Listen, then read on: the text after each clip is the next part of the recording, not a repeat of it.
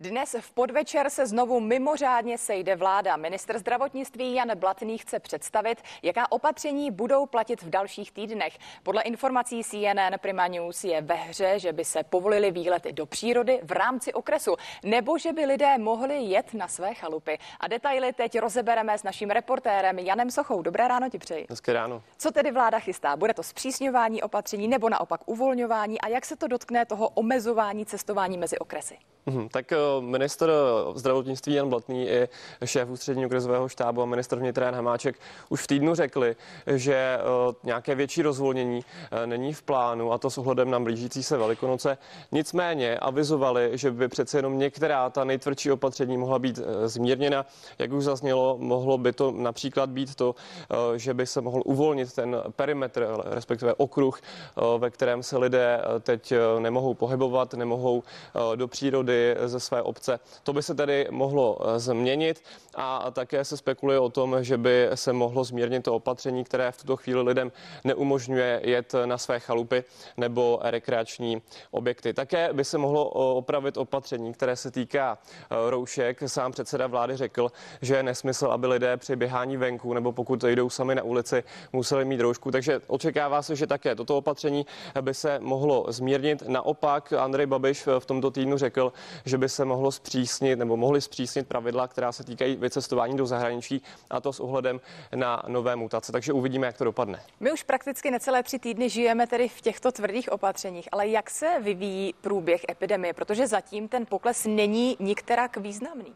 Jak se řekla, ten pokles není významný. Eh, vláda sama přiznala, že očekávala, že ten pokles eh, nebo to brždění epidemie bude daleko rychlejší. Nicméně včera ministr zdravotnictví Jan Blatný na zdravotním eh, výboru řekl, že se velice pozitivně projevilo očkování v těch posledních týdnech, že se například snížilo výrazně procento úmrtí lidí, kteří jsou starší 80 let, to je ta riziková skupina.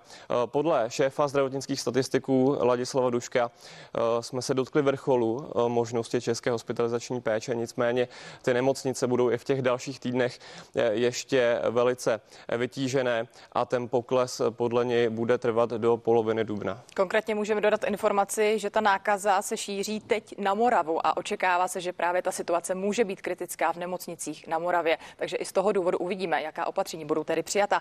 Pojďme ještě na jednu věc, protože se nám postupně blíží i konec nouzového stavu, který je teď vyhlášen do 28. března března. Bude to tedy i tématem dnešního mimořádného jednání vlády? Eh, přesně tak, jak si správně řekla, nouzový stav končí příští týden v neděli 28. března. I na to by tady dnes měla přijít eh, řeč na vládě a pokud ne dnes, tak určitě příští týden, protože připomínám, že vláda potřebuje pro prodloužení nouzového stavu hlasy poslanců, potřebuje posvětit nouzový stav poslaneckou sněmovnou.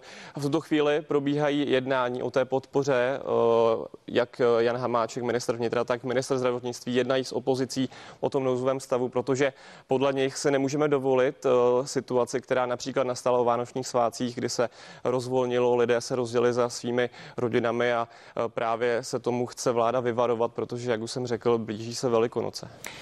To mě zajímá i ta reakce opozice, protože samozřejmě viděli jsme v těch uplynulých týdnech poměrně vyostřené rozhovory a reakce. Tak jak vidí ta stávající opatření a co říká na možné rozvolnění? Ano, tak eh, opozice se včera večer po jednání sněmovního zdravotního výboru sešla s ministrem eh, zdravotnictví. Spolu právě řešili tu možnost prodloužení nouzového eh, stavu. Podle předsedy starostu a nezávislých Víta Rakušena například ještě chybí data, respektive opozice požaduje po vládě, aby jim předložila data ohledně toho, jak se projevují ta dosavadní velice přísná opatření.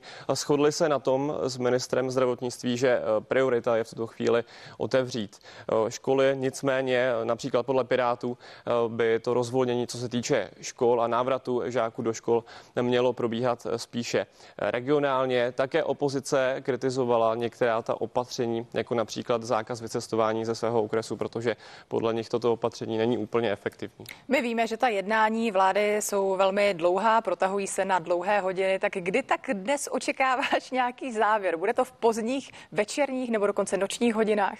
To je dobrá otázka, na tu si vždycky klademe odpověď. Eh, nevíme, uvidíme. Každopádně, co víme, je to, že to jednání vlády začíná v 17 hodin. Odpoledne tisková konference je potom v plánu ve 20 hodin, ale jak už si sama řekla, je zvykem, možná i pravidlem, že to jednání bývá o, o případném rozvolnění velice dlouhé, takže se může protahovat do nočních hodin. Každopádně určitě dnes by se mělo rozhodnout. Tak já ti přeju, ať tam nečekáte příliš dlouho ty i další naši kolegové. Tolik reportér Jana Socha, děkujeme za informace. Díky a hezké ráno.